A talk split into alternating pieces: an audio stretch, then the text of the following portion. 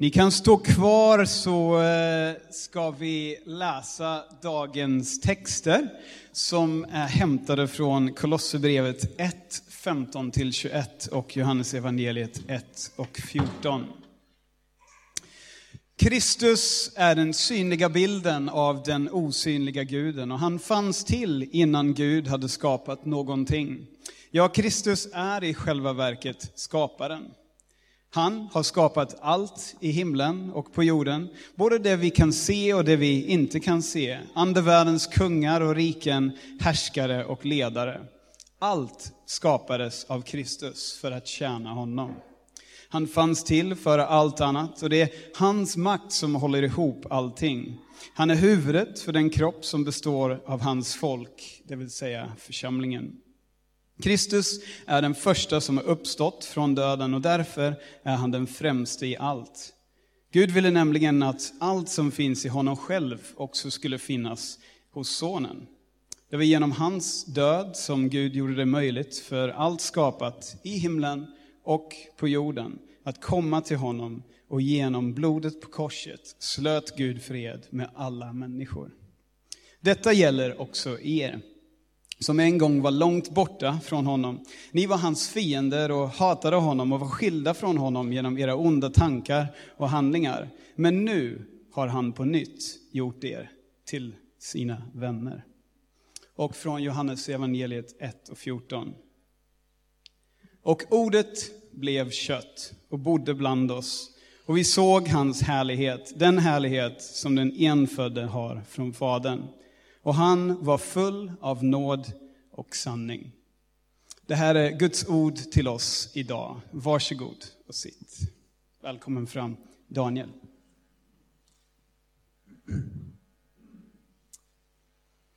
Tack för det. Och ett stort hjärtligt tack till eh, Elise. Det är svårt att att inte bli väldigt berörd. Och jag satt och tänkte att det enda positiva med mörkret, det måste väl ändå vara att ljuset lyser desto bättre i mörkret. Men du inspirerar och din story berör. berör. Vi har ju alla vår story, vår berättelse. Och Gud han har sin berättelse, den är något större, något längre.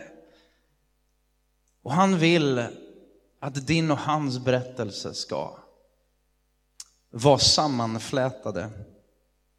Vi älskar berättelser. Vi har alltid gjort det. Genom alla tider. Vid lägereldarna back in the day.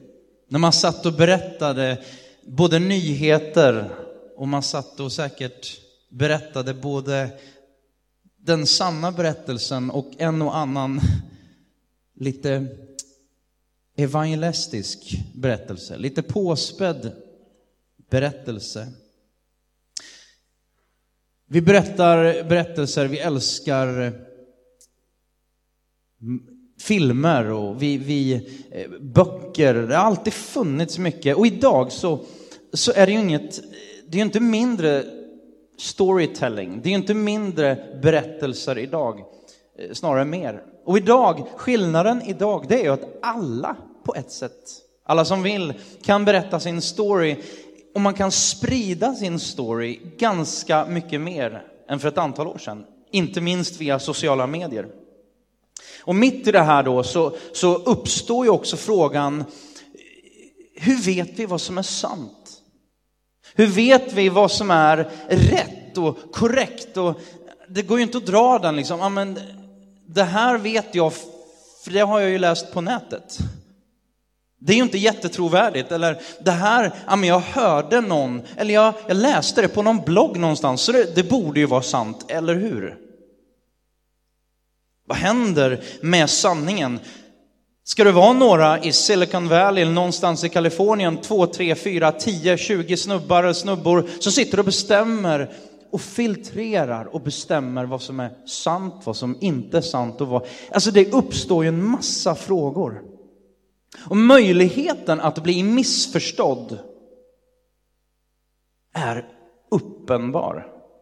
Den blir bara vanligare och vanligare. Eller den frågan om att bli representerad felaktigt eller missrepresenterad, naturligtvis är den större än någonsin. H.C. Andersen skrev historien om den fula ankungen.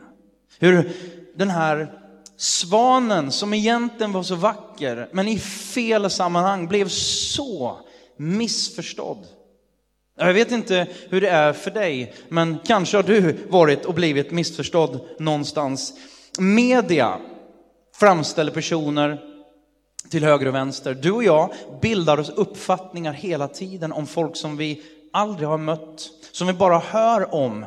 Och vi bildar oss uppfattningar om alla dessa personer. Och den här, det här citatet, you only get one chance to make a first impression, får helt nya dimensioner plötsligt. För det sprids som en löpeld, det kan spridas väldigt, väldigt snabbt. Om du och jag har upplevt någon gång att bli missförstådd, så tänker jag så här att en person som har blivit missförstådd så ofta, så är det Gud själv.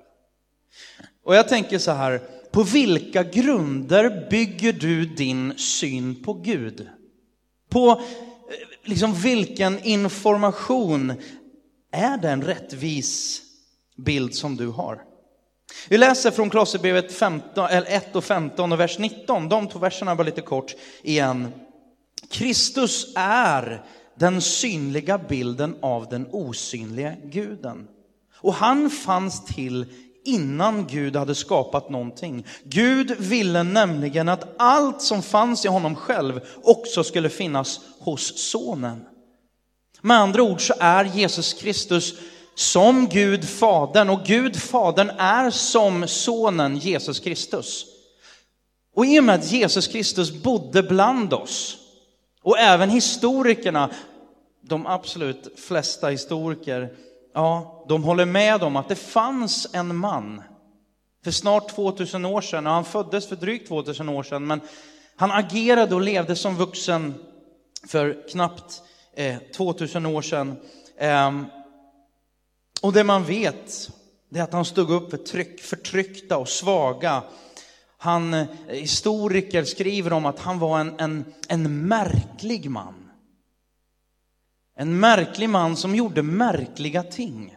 Märkliga, underbara ting, skriver historikern Josefus som levde eh, ja, samtida då med Jesus.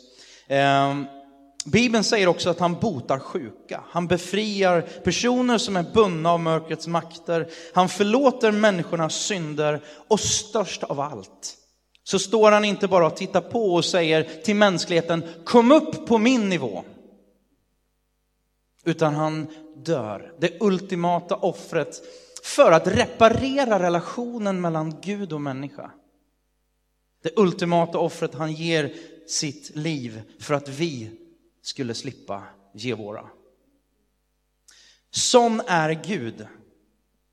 Om vi tittar lite närmare på Jesus utifrån det här den här versen som, som Brad läste ifrån Johannes evangelium 1 och 14 om vem Jesus är, så har vi de här, de här enormt vackra orden, men som också är så mycket mer än bara vackra, så innehållsrika.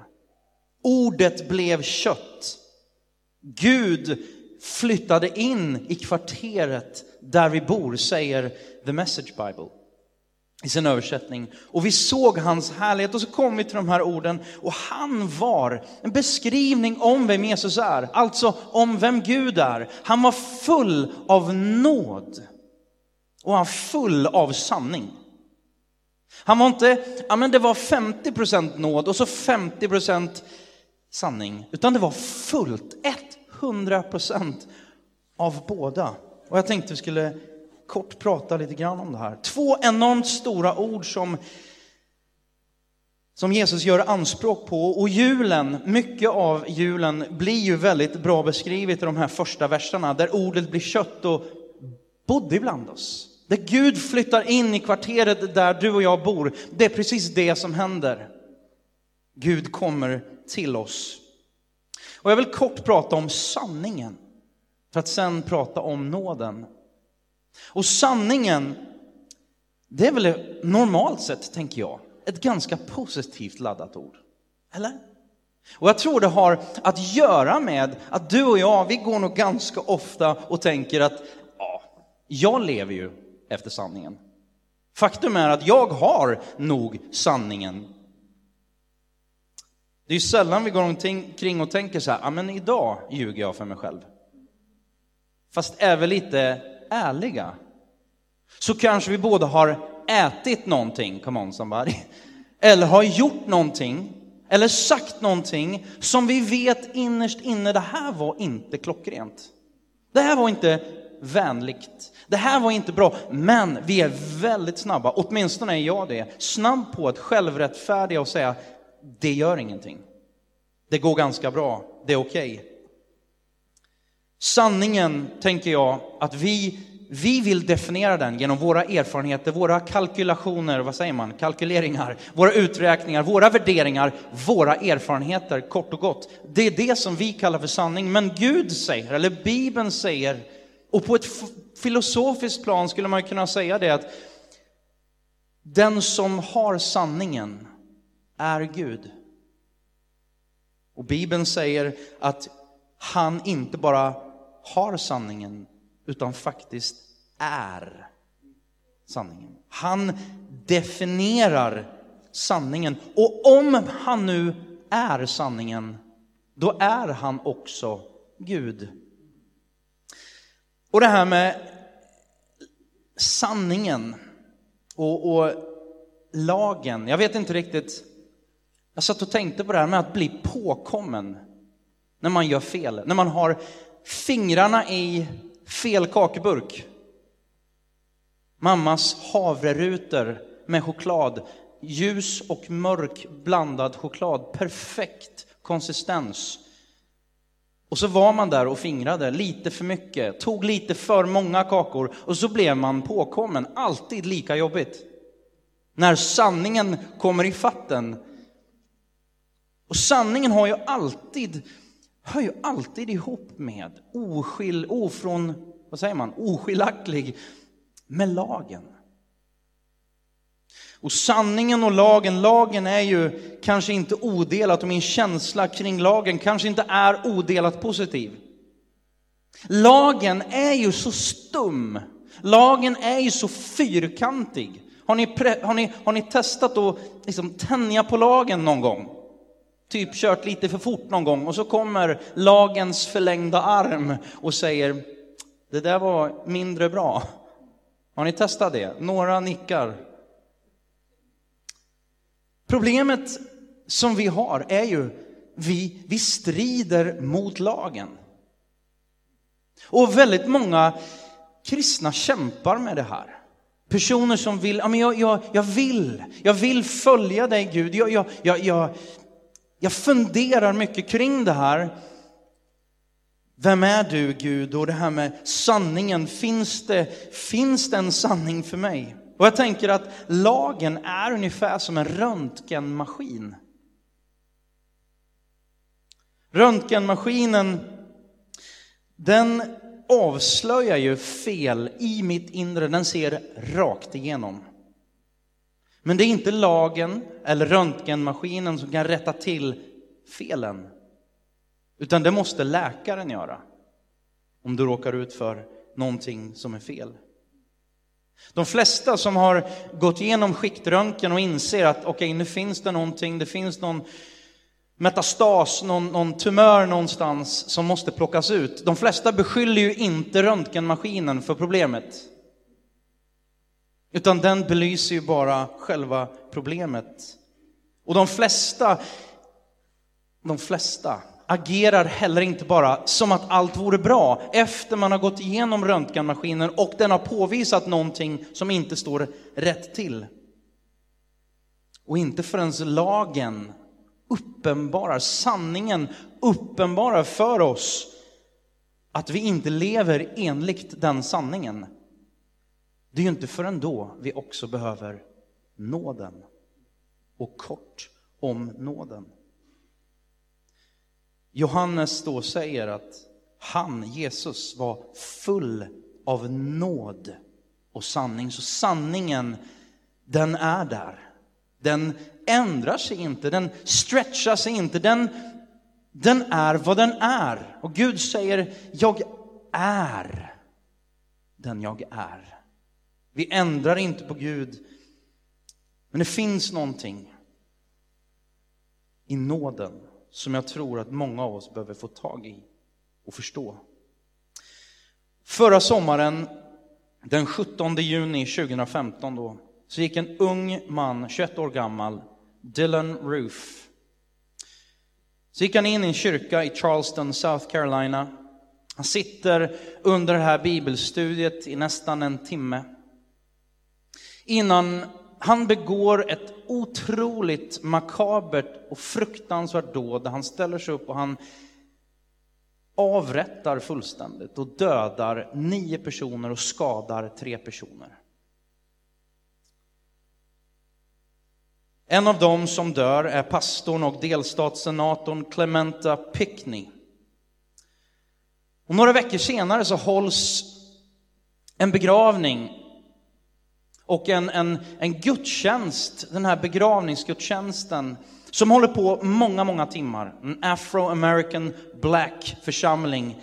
Eh, och under gudstjänsten så kliver ingen mindre än president Obama upp och håller ett 30 minuters långt minnestal över Pickney. Där han börjar tala om hoppet. Hoppet som Pickney så tydligt predikade och levde för. Och det här talet det spred sig lavinartat i sociala medier. Kanske har flera av er sett bilder från det här talet. Och främst så spred det sig på grund av att president Obama under eller efter, liksom i slutet av sitt tal, han pratar inte bara om nåden utan han börjar sjunga. Amazing grace, how sweet the sound.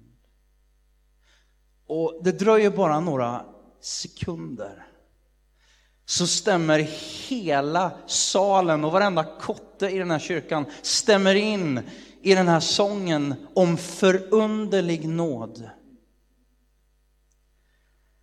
Och strax innan som Obama tar upp den här sången så citerar han en känd författare, Marilyn Robson, som är litteraturprofessor och Pulitzer Prize-vinnare och har skrivit en massa romaner. Där hon bland annat då skriver om en pastor eh, och han citerar henne och det här citatet då sprids också över hela världen. Och man börjar undra, var kommer det här citatet ifrån? Och man hittar inte det här citatet i någon av hennes böcker eller några tidskrifter. Och så följer man alla trådar på sociala medier så kommer man fram till att det finns tydligen något som heter Marilyn Robson-sällskapet. Ja, det finns ett sånt också. Och de har lyckats ta reda på var kom det här citatet ifrån som, som Obama precis innan han börjar sjunga citerar. Och så kommer det fram att Obama och Marilyn Robson som känner varandra väl, de har brevväxlat. Ja, man gör det även på 2000-talet tydligen. De har brevväxlat. Och i de här breven så, så bearbetar de frågor kring tro. Och specifikt frågan kring nåden. Och de säger båda två, det är så svårt att förstå nåden. Och Clement, eh, inte Clementa utan Marilyn Robson, hon försöker att sätta ord på när Obama ställer frågan, hur ska man förstå nåden? Och Marilyn skriver, hon skriver så här. You can call it the reservoir of goodness beyond and of another kind. That we are able to do each other in the ordinary course of things. en reservoar av godhet. Godhet av ett annat slag. Godhet som går bortom vår förståelse. Jag tänker på den här unge mannen som idag då bör vara 22 år gammal, Ruth, som har begått det här allvarliga dådet. Den 3 januari så börjar de, eh, inte rättegången, utan då ska, de, då ska domen komma, eller om det är någonstans i januari, men då börjar de bearbeta om, då han, han har blivit dömd på alla 33 punkter. Det kom i torsdags, så blev han dömd för alla de här 33 eh, punkterna som han har blivit åtalad för. Samtliga. Och i januari så kommer de utröna vilken dom han faktiskt kommer att få. Åklagaren yrkar för dödsstraff. Åker han på det här dödsstraffet och inte lyckas överklaga det, så finns det en enda sak som kan rädda honom. Och det är presidentens ord om nåd. Nå, eh, presidenten är den som besitter makten att benåda en person som sitter på death row. Kolosserbrevet 1, 20 och 21, jag vill avsluta med det. Det var genom hans död som Gud gjorde det möjligt för allt skapat i himlen och på jorden att komma till honom och genom blodet på korset slöt Gud fred med alla människor. Han benådade alla människor. Detta gäller också er, skriver Paulus, aposteln till de kristna i Kolossi som en gång var långt borta från honom. Ni var hans fiender och hatade honom och var skilda från honom genom era onda tankar och handlingar. Men nu har han på nytt gjort er till sina vänner. En aldrig sinande reservoar av förunderlig nåd, en godhet som är av ett annat slag. Guds nåd. Förunderlig nåd. Amazing grace. Himmelske far, jag tackar dig för nåden. Vi vet att du är och du definierar sanningen. Och vi vet att vi inte når upp till din standard och du ber oss inte att försöka ens. Istället kom du ner. Och du sträcker ut din hand av nåd och jag ber att var och en av oss skulle sträcka ut vår hand och ta, ta emot din nåd. Ta emot förunderlig nåd. Ta emot amazing grace. Låt oss få vara del av din story, av din berättelse Gud, som du skriver Herre, du vet var var och en av oss befinner oss. Och jag ber att du skulle komma med ljus in i vårt mörker. Med hopp, Gud, där det finns hopplöshet. Med helande där det finns trasighet. Och med nåd. Där det i nuläget bara finns dom och elände. Tack för att du är Gud. Tack för att du står över allt och alla. Och du har bestämt att sträcka ut din förunderliga nåd. Återigen, hjälp oss alla att ta emot den. I Faderns, Sonens och den helige Andes namn. Amen.